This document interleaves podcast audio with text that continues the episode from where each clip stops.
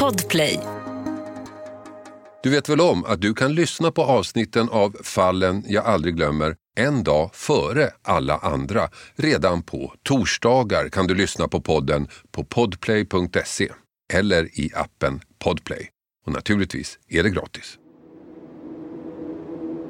Alltså just mord, så som sagt, det har vi ett per decennium så, så är nog det, det är det helt enkelt. Det är inte vanligt med mord. Det, det är länge sedan det har utretts ett sådant brott. Och man märkte också att Åland som samhälle så hade de väldigt svårt att ta till sig att det faktiskt var ett mord som utreddes. Det var tillvägagångssättet som vi reagerade på. Det här kunde ju drabba vem som helst. Bevis eh, kan ju ha försvunnit, bevis kan ha förstörts. Det är inte roligt att gå ute i samhället och veta att den som har gjort det är på fri fot. Varenda minut i en brottsutredning är ju väldigt, väldigt viktig. Det är en anlagd brand och personen i fråga har livshotande skador. Det här är ju ett försök till mord. Fallen jag aldrig glömmer. Podden som inte handlar om förövarna, som inte handlar om brottsoffer, utan som handlar om de som gjorde sitt jobb och löste brottet. Mördarkvinnorna i sommaridyllen.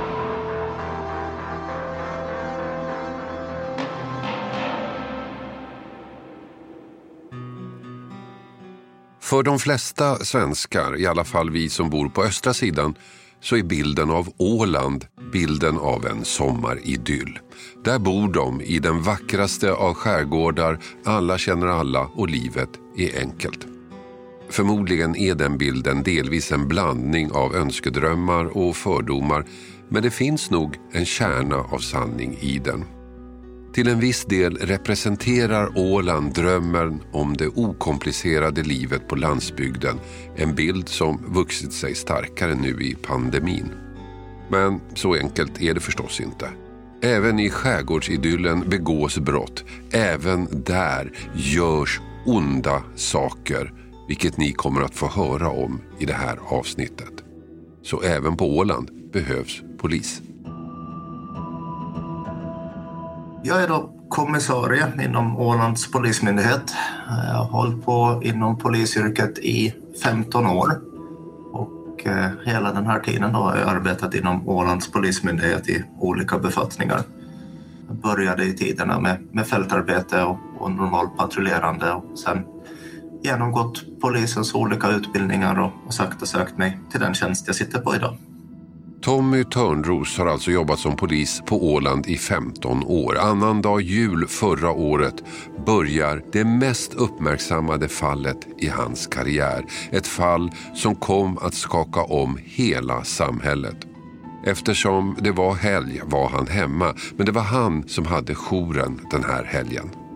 Vi har det upplagt som så att eh, när man arbetar som befäl inom Ålands polismyndighet, som är då en, en väldigt liten polismyndighet, totalt lite på hundra stycken anställda, både civilanställda och poliser, så, och en, en pool på eh, sex stycken befäl. Och då har man med jämna mellanrum bakjour, man kallas för allmänledare. Och I det här fallet då så hade jag den här bakjouren över julen. Det här var ju då annandag jul så vi hade varit hos mina svärföräldrar och spelat lite spel och klockan vart väl lite sent innan man kom hem så jag hade sjunkit ner i soffan där hemma och vid lite efter elva så ringde telefonen och då var det kollegorna eh, som jobbade, de ute på fältet och som berättade att eh, det brinner i ett hus ute i Eckerö och att en person är allvarligt skadad i samband med det här och att man misstänker att branden är anlagd. Och i samband med det då så lite sådär halvabrupt att resa sig upp från soffan när man sitter med sambon hemma efter att ha haft en allsköns lugn dag till att helt plötsligt konstatera att nej men vänta här nu. Det är en anlagd brand och personen i fråga har livshotande skador. Det här är ju ett försök till mord. Vad var det som gjorde att ni redan från början misstänkte att det var anlagt och ett mordförsök? Ja, dels brandkåristerna som var på plats så gjorde vissa iakttagelser, bland annat en ganska kraftig lukt av bensin eller bensinliknande eh, ämne. Och eh, det här förstärktes sen ytterligare när eh, han som sedermera avled kom under vård. så konstaterade man också att det var, luktade hela han jättestarkt utav just bensin. Och sen så var han vid medvetande. Så han kunde initiellt berätta både för första hjälpare som var på plats men sen också till polisen att eh, han hade legat hemma i soffan, tittat på TV när det plötsligt hade kastats in en sten genom hans fönster och efter det hade då kastats in en brännbar vätska som snabbt antändes. Och den här informationen fick vi då väldigt snabbt. Så därav så kunde vi redan i inledningsskedet styra utredningen åt det hållet.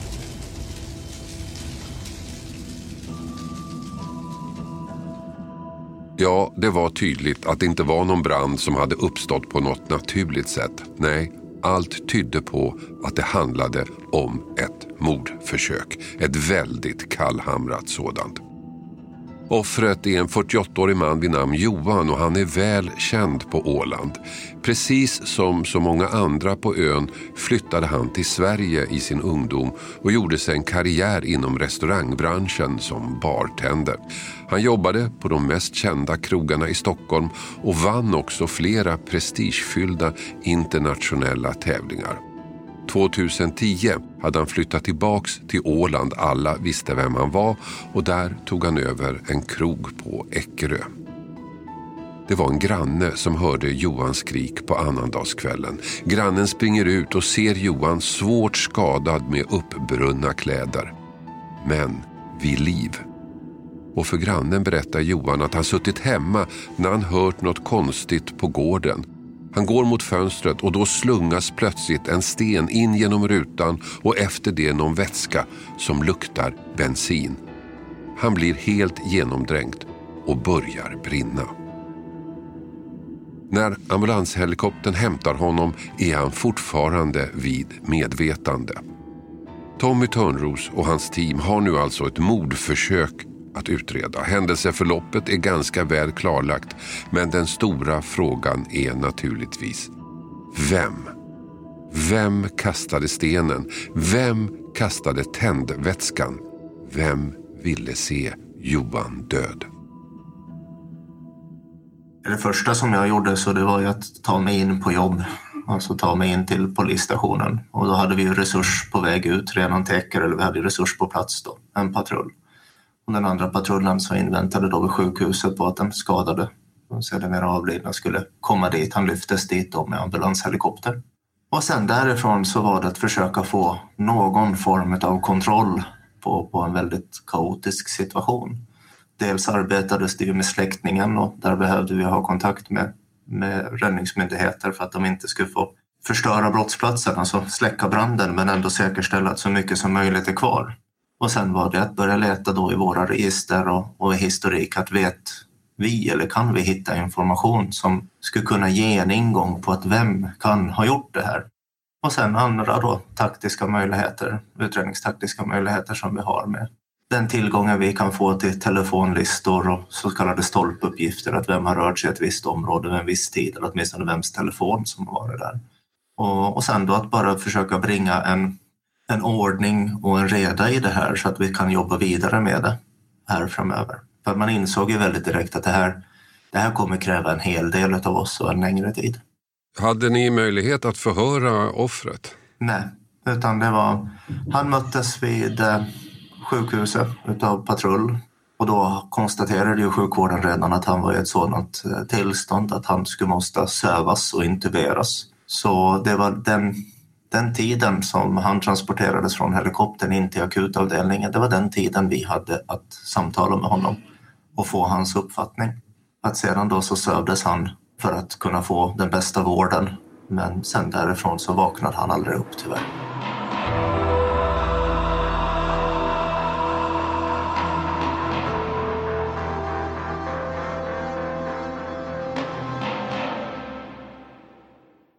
Den här veckan har vi ett betalt samarbete med Tre, ni vet teleoperatören.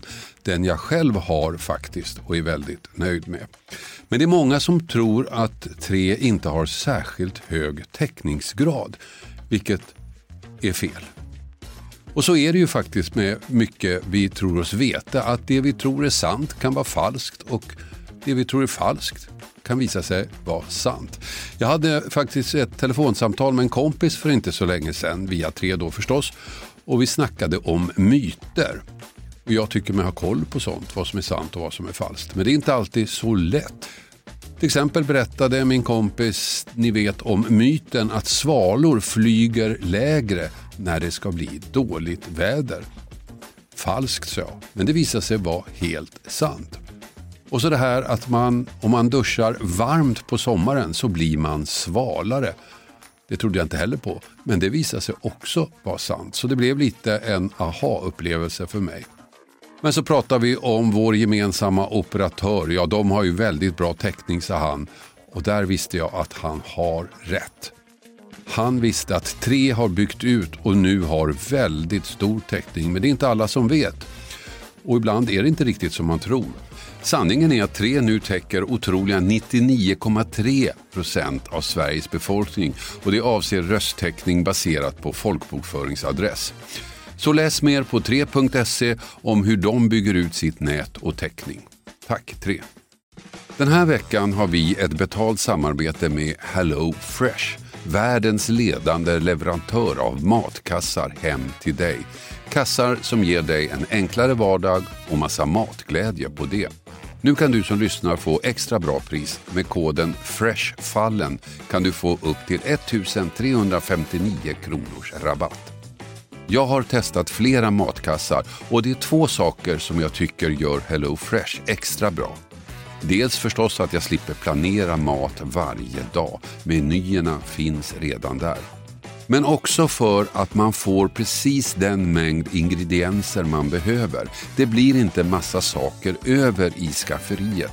Inget matsvinn, inga bortslösade pengar. Och sen får man ju matglädje förstås, koll på budgeten och enklare vardag. Och också möjligheten att testa nya smaker med recept från hela världen. Allt är väldigt enkelt att laga, instruktionerna är glasklara.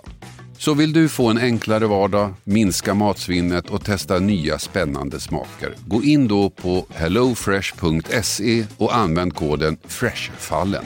Den ger dig upp till 1359 kronors rabatt på dina fem första kassar.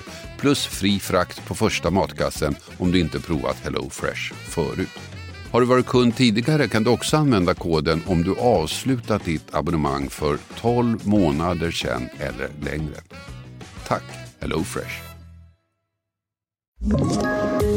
Poddtips från Podplay. I podden Något Kaiko garanterar östgötarna Brutti och jag, Davva, dig en stor dos skratt. Där följer jag pladask för köttätandet igen. Man är lite som en jävla vampyr. Man har fått lite blodsmak och då måste man ha mer. Udda spaningar, fängslande anekdoter och en och annan arg rant. Jag måste ha mitt kaffe på morgonen för annars är jag ingen trevlig människa. Då är du ingen trevlig människa, punkt. Något Kaiko, hör du på Podplay. Därför är gardinerna. Nu var det inte längre ett mordförsök. Nu var det ett mord. En utredning som kunde bli både omfattande och tidsödande. En känd och offentlig person, kanske många med motiv som ville honom illa. Men det blev inte så komplicerat. Ganska snart kunde utredarna ringa in en misstänkt person. En med motiv. En som stod offret nära. Nämligen hans exfru. Vad gav då er initiala undersökning för spår eller för ledtrådar? Den gav en del observationer som gjordes på natten. Vi hade patruller som var ute och patrullerade till olika adresser som vi fick utgående från den historik vi hade kring den avlidne och, och, och vad den så att säga har anmält för typ av brott och sånt. Och däribland så kom exfrun upp i bilden. Att det var en ganska infekterad vårdnadstvist. Därifrån så fick vi sedan en grund att arbeta vidare på och att helt enkelt rikta utredningen. Och samtidigt så vi vände ju på varenda sten vi hittade, att vi, det knackade större. Eh, vi frågade ut att vem har rört sig i området. Vi kartlade vilka bilar som har rört sig där. Vem har kört dem? Vad har de sett? Vad finns det för övervakningskameror? Och därigenom så hittade vi några bildkameror som var mycket nyttiga sen i i rekonstruktion med mera. Och det här sammanlagt så gav en ganska tydlig ingång på att just gentemot exfrun egentligen. Ja, bara några timmar efter händelsen hade polisen alltså en misstänkt förövare, exfrun. Det visade sig att Johan och exfrun haft en omfattande och ganska smutsig vårdnadstvist. Hon hade anmält honom flera gånger för att försöka påverka den här vårdnadstvisten. Hon hade till och med spelat in en ljudfil där någon påstod att exmaken skulle missbruka droger. Men denna någon på bandet visade sig vara hon själv med förvrängd röst. Och det var också så att exfrun tillsammans med sin mamma flera gånger smygit kring Johans hus och kikat in genom fönstret. Allt fanns inspelat på hans övervakningskameror. Så här fanns någon med ett tydligt motiv. Men ingenting knöt henne till själva händelsen. Ändå tyckte utredarna att det fanns skäl att gripa henne och höra henne. Och samtidigt kallade man in en annan person till förhör. En kvinna vars bil hade synts på platsen. En person som alltså kunde vara ett viktigt vittne. Men det skulle visa sig att den kvinnan var mycket mer än bara ett vittne. Att gripa exfrun var inte ett helt självklart beslut men Tommy Törnros tyckte att det fanns tillräckligt med information för att göra henne intressant i utredningen. Det var väl egentligen det långvariga bråket och det som då personer som har varit involverade i det här långvariga bråket lyfte fram. Att det alltså bråket har ju då varit en, en vårdnadstvist och där eh, exfrun har uttalat sagt att eh, hon ska göra allt som står i hennes makt för att han inte ska få vårdnaden om barnet. Och det här gav ju oss helt enkelt skäl att misstänka, alltså den lägsta formen av misstanke.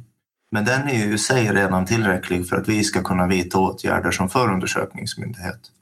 Och det var helt enkelt på grund av de åtgärderna som vi sen bestämde oss för att rikta åtgärder och därigenom också gripa den här exfrun och samtidigt hämta in en annan person på ett vittnesförhör som man hade observerat hade rört sig där under natten. Så den andra personen hade man sett? Den andra, man hade sett den personens bil röra sig på natten. Mm, och vad var det för person? Ja, det visade ju sig sen vara den här väninnan som det då har skrivits om. Man har pratat om exfrun och väninnan i, i media. Där initiellt så var det att vi ville veta vad hon eventuellt hade sett i samband med att hon hade varit ute och kört. Men i samband med att hon plockades in eh, för vittnesförhör så gav hon dels uppgifter som vi kunde konstatera att nej, det här stämmer inte. Och dels så sökte hon också kontakt med exfrun på ett sätt som vi varit lite fundersamma på. Och det slutade med att vi även hade skäl att misstänka henne. Så från att ha varit vittne så blev hon då den, den andra misstänkta i ärendet. Var någonstans i tiden befann ni er då? Hur fort gick det här? Natten till söndag skedde det här. Eh, på söndag kväll så övervägde vi att vidta de här åtgärderna och eh, sen skedde själva gripandet på tisdagen. Så att vi i praktiken tre dygn efter, efter händelsen. Det gick ju ändå ganska fort. Det gick väldigt fort. Så nu har polisen alltså två misstänkta. Den ena som har de starkaste misstankarna mot sig, exfrun, hon nekar till allt. Hon har inga kommentarer. Den andra, där misstankarna är lite svagare, alltså väninnan, nekar också. Även om hennes historia haltar lite om varför hon var på plats och varför hon hade kontakt med sin kompis exfrun så finns där ingenting konkret att hänga upp utredningen på. Det är alltså två helt ostraffade personer, två kvinnor som lever vanliga liv som alla andra. Kan de verkligen mörda någon? Det ser ut att bli komplicerat. Husransakningar, andra vittnesutsagor med mera ger inte så mycket. Inget knyter vare sig den ena eller den andra kvinnan till själva gärningen. Men då, plötsligt, vänder allt. Exfruns väninna, hon som nekat till allt, bestämmer sig plötsligt för att berätta. I det här, alltså ett väldigt stort genombrott för oss, det var när väninnan efter två förhör då meddelar till utredaren att nej, jag har nog inte varit helt ärlig att så här gick det till. Och sen erkänner precis hela gärningen och förklarar också då på vilket sätt exfrun har varit involverad i det. Hur gick det till? Vad, vad fick henne att plötsligt berätta? Det vet vi egentligen inte annat än den såklart mycket obekväma situationen över att sitta i en cell och bli då förhörd och, och ha den här misstanken mot sig. Och vad hon själv presenterade bland annat under rättegången så var att hon kände en väldigt stark ånger över att hon hade begått det här brottet överhuvudtaget och ville nu verkligen vara med och ställa saker och ting till rätta. Och det är en mycket märklig historia. Allt har sin början i skilsmässan mellan Johan och hans fru. En skilsmässa som alltså utvecklats till en smutsig vårdnadstvist om deras gemensamma dotter. En vårdnadstvist som pågår i flera år. Där exfrun och hennes mamma, alltså dotterns mormor, gör upprepade anmälningar mot pappan Johan. Exfrun förmår också sin väninna att göra anmälningar mot Johan. Anmälningar som, när hon börjar berätta, erkänner var falska. Men så förra hösten kommer då den slutliga domen i hovrätten när det gäller vårdnadstvisten. Beslutet blir att föräldrarna ska ha gemensam vårdnad. Precis som Johan ville, men inte alls vad exfrun önskade. Och här någonstans föds planerna på att mörda honom. Och så här berättade väninnan om dådet för polisen. Ljudet är från rättegången då hon sen upprepade sin historia. Hon, hon blev ju så förbannad på det att, eh, att Johan blev boendeförälder. Mm. Att hon, hon kunde inte acceptera överhuvudtaget att de skulle ha delat vårdnad. Hon ville ha vårdnaden själv. Mm.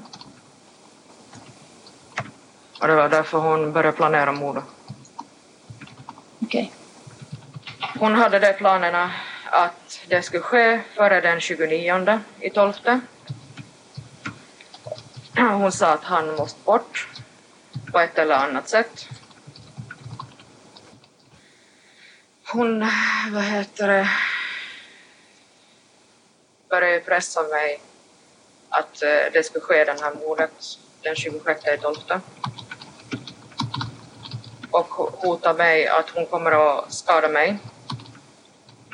Och därför har jag åkt de här gångerna med henne dit ner. För att om jag skulle inte ha gjort det så skulle hon ha åkt själv dit och skadat Johan. Exfrun får med sig väninnan och tillsammans skapar de falska profiler på internet för att kunna kommunicera och planera anonymt. Bland annat en av de grejer vi konstaterade när väninnan var inne på, på vittnesförhör så konstaterade vi att exfrun som då var misstänkt, vars telefon vi hade, så hade haft en messengerkonversation med den här väninnan. Men den messengerkonversationen var raderad. Och det var ingen annan konversation som var raderad på samma sätt. Och det skapade väl en del funderingar. Och sen då när vi hade skäl att misstänka väninnan och hon kommer in och när hon erkänner så då berättar hon att de har skapat falska profiler eh, inom Facebook för att kunna diskutera med varandra utan att då någon annan ska kunna få reda på det här.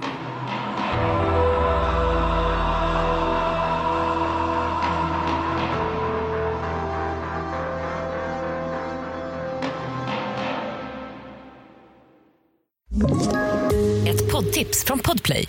I podden Något Kaiko garanterar östgötarna Brutti och jag, Davva, dig en stor dos skratt. Där följer jag pladask för köttätandet igen. Man är lite som en jävla vampyr. Man har fått lite blodsmak och då måste man ha mer. Udda spaningar, fängslande anekdoter och en och annan arg rant. Jag måste ha mitt kaffe på morgonen för annars är jag ingen trevlig människa. Då är du ingen trevlig människa, punkt. Något Kaiko, hör du på Podplay. Därför är Exfrun kallar sig Gretel Andersson och väninnan tar namnet Stina Larsson. Och i den hemliga Messenger-chatten börjar planerna ta form. Ganska tidigt dyker tanken på att tända eld upp, kanske för att exfrun Gretel är engagerad i den lokala frivilligbrandkåren. I november skaffar de fyra hinkar med bensin som de gömmer i närheten av Johans hus. Månaden efter så smyger de flera gånger runt i skogen utan att egentligen gå till verket. Men annandag jul ska det ske. De skriver intensivt i chatten. Bland annat skriver Gretel att de måste gå på toaletten innan de åker till huset. Vi kan inte bli nödiga där, skriver hon. Och på kvällen, annandag jul, åker de iväg till Johans hus. De är maskerade med huvor som har urklippta hål för ögonen. Gretel stoppar också upp en kudde innanför kläderna så hon inte ska kunna bli igenkänd. De hämtar de fyra hinkarna i skogen och sätter sig utanför huset och spanar in på Johan. Väninnan tar två stenar och slänger in genom fönstret. När Johan går fram häller Gretel bensin över honom och tänder på. Allt det här berättar alltså väninnan i det förhör som hon har begärt att få gå igenom. Och två frågor dyker oundvikligen upp i mitt huvud. För det första, varför ställer hon överhuvudtaget upp på hela komplotten? Exfrun tycker sig förstås ha motiv, men väninnan ställa upp och mörda? Så här svarar Tommy Törnros. Väninnans förklaring så var att hon blev manipulerad till det. Att hon kände sig tvungen att bistå med tiden. Och att det då har liksom varit en långvarig en långvarig påverkan från exfrun gentemot väninnan. Och det har då varit dels hot eh, men också svartmålande helt enkelt utav hur dålig pappa eller hemsk person den här mördade personen då var. Och eh, till sist då så såg hon ingen annan utväg än att åtminstone till, till någon del hjälpa till. Ehm, sen lyfte hon också fram att det ska vara försök som har gjorts tidigare som hon har avstyrt och att hon också försökte avstyra det där på kvällen men eh, inte lyckades. Den andra frågan i mitt huvud är hur reagerade utredarna, Tommy Törnros själv, även för den mest inbitna mordutredaren i de mest våldsbenägna distrikten är ju den här historien fullständigt makaber. Två helt vanliga personer, två mammor som plötsligt blir mördare. Men det här hände inte i någon no-go-zon. Det här hände på Åland. Hur tänkte Tommy Törnros när han förstod hela omfattningen av det som hade hänt? Det har ju tagit tid att greppa det. När jag åkte in på jobb då vid 23-tiden på, på lördagskvällen. Så jag kom hem klockan 21 på söndag kväll. Och sen så började man jobba direkt igen på måndag morgon. Och och länge så jobbade man ju bara med ett väldigt hårt fokus på att se till att få en så bra början som möjligt. Att det tog tid innan man faktiskt kunde fundera kring att vad är det som har, har skett? Men i grund och botten så är det ju bara en, en jättetragisk historia där de riktiga offren de facto så är ju då det gemensamma barnet och också ett annat, annat barn som fanns med i bilden. Det är ju de som man länge har tänkt kring och, och känner sorg för att ha upplevt någonting sånt här. Men trots att polisen nu vet precis vad som hänt, trots att allt talar emot exmamman, så fortsätter hon att hävda sin oskuld. Hon fortsätter att neka. Hon väljer att inte kommentera eller till att, att helt och hållet neka. Så hon berättar ingenting? Ingenting. Och det vad jag förstår var det som skedde i rättegången också? Det stämmer. Så rättegången kommer helt och hållet att vila på väninnans berättelse. Exfrun döms till livstidsfängelse. Väninnan får rabatt eftersom hon hjälpt utredarna. Hon döms till 11 års fängelse. Rabatt för den som ställer upp och vittnar är ju något som vi diskuterar i Sverige. Men än så länge är det inte så. Tommy Törnros är övertygad om att den här rabatten var en väldigt stark drivkraft för väninnan att erkänna och samarbeta. Det påverkade helt klart. Det, det ska jag våga påstå. Och det var ju också någonting som syntes i straffmätningen, någonting som åklagaren lyfte fram som en möjlighet och som även tingsrätten valde att nyttja när de dömde ut straffet. Att där då i tingsrätten så dömdes väninnan till ett tidsbestämt 11-årigt fängelsestraff medan eh, exfrun då dömdes till livstid för mord. Åland är ju en självstyrande del av Finland. En del lagar är annorlunda, de flesta är likadana och i stort så har man samma rättssystem i Finland och på Åland, berättar Tommy Törnros. Det är samma rättssystem. Eh, Åland är ju då ett självstyrt del utav Finland där vi då har vår egna regering, eh, vårt egna lagting och en självbestämmande rätt inom flera olika områden, bland annat allmän ordning och säkerhet och trafiklagstiftning och lite kring hälso och sjukvård och med, med mera. Men sen vissa områden så där lyder vi helt och hållet under samma lagstiftning som resten av Finland och där är då bland annat domstolsväsendet och skattemyndigheter och, och, och tingsrätter och ja, alltihopa. Men rättegångar av den här typen, de sker då på Åland på svenska? Det stämmer. Vi är ett enspråkigt svenskt område. Det officiella ämbetsspråket i all verksamhet på Åland är svenska. Får man sitta i fängelse på Åland också? Nej, vi har inget eget fängelse utan eh, fängelserna finns ändå i, i fasta Finland och då transporteras man dit. Finns det svenskspråkiga fängelser? Inte helt svenskspråkiga, men det finns ju fängelser i områden där det är mera representerat. Eh, det finns en större mängd svenskspråkig befolkning, ska vi säga. Så att, eh, men inget helt svenskspråkigt fängelse, det finns det inte. Du berättade att du hade jobbat i 15 år som polis på Åland. Just, men det här måste ju vara ett av de märkligaste händelserna du varit med om. Definitivt. Jag brukar ha som mantra att, att, allt som händer på andra ställen händer även på Åland, bara mycket mer sällan. Och det är det också då som är utmaningen. Att eh, när det så sällan sker någonting som det här så får man ju heller ingen rutin på det. Utan man hamnar ju verkligen på att samarbeta alla tillsammans. Och det har ju varit styrkan i hela den här utredningen. Så det är ju alla de kollegor och alla som så samvetsgrant har ställt upp, kommit med idéer. Det har liksom varit vem som helst har kunnat föra fram en tanke eller en teori och vi har verkligen jobbat tillsammans. I Sverige inträffar drygt hundra mord om året på Åland mördas en person var tionde år kanske. Och det här mordet, med tanke på de märkliga omständigheterna, skakade förstås om hela ön. Alltså just mord, så som sagt, det har vi ett per decennium så, så är nog det det är det helt enkelt. Det är inte vanligt med mord. Det, det är länge sedan det har utretts ett sådant brott. Som sagt, brott mot liv, det har vi. Det, det sker ju, men, men inte mord. Det betyder att det här måste ha väckt en hel del uppmärksamhet? Det väckte jättemycket uppmärksamhet. Det var, och man märkte också att Åland som samhälle så hade nog väldigt svårt att ta till sig att det faktiskt var ett mord som utreddes. När man tittade i media så länge så stod det om branden Ekerö och, och, och, så. Och ofta när det sen ringdes och skulle ställas frågor så var det just att ja, men hur går det med, med utredningen av branden?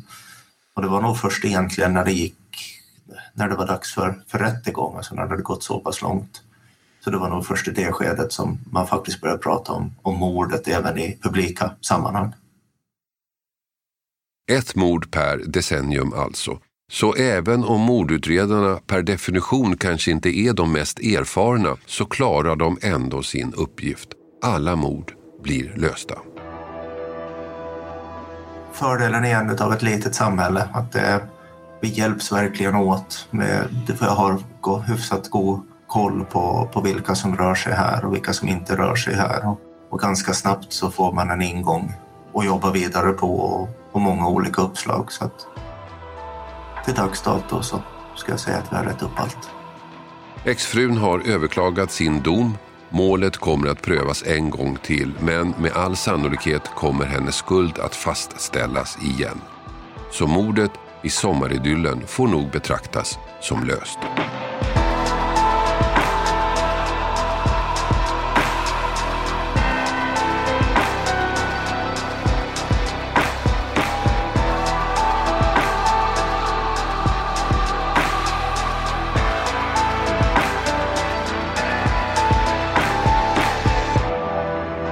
Du har hört podden Fallen jag aldrig glömmer. Klippning David Davva Persson. Och jag heter Hasse Aro. Du vet väl om att du kan lyssna på avsnitten av Fallen jag aldrig glömmer en dag före alla andra. Redan på torsdagar kan du lyssna på podden på podplay.se eller i appen Podplay. Och naturligtvis är det gratis. Podplay tips från Podplay. I podden Något Kaiko garanterar östgötarna Brutti och jag, Davva, dig en stor dos skratt. Där följer jag pladask för köttätandet igen. Man är lite som en jävla vampyr. Man har fått lite blodsmak och då måste man ha mer. Udda spaningar, fängslande anekdoter och en och annan arg rant. Jag måste ha mitt kaffe på morgonen för annars är jag ingen trevlig människa. Då är du ingen trevlig människa, punkt. Något Kaiko, hör du på Podplay. Därför är gardinerna.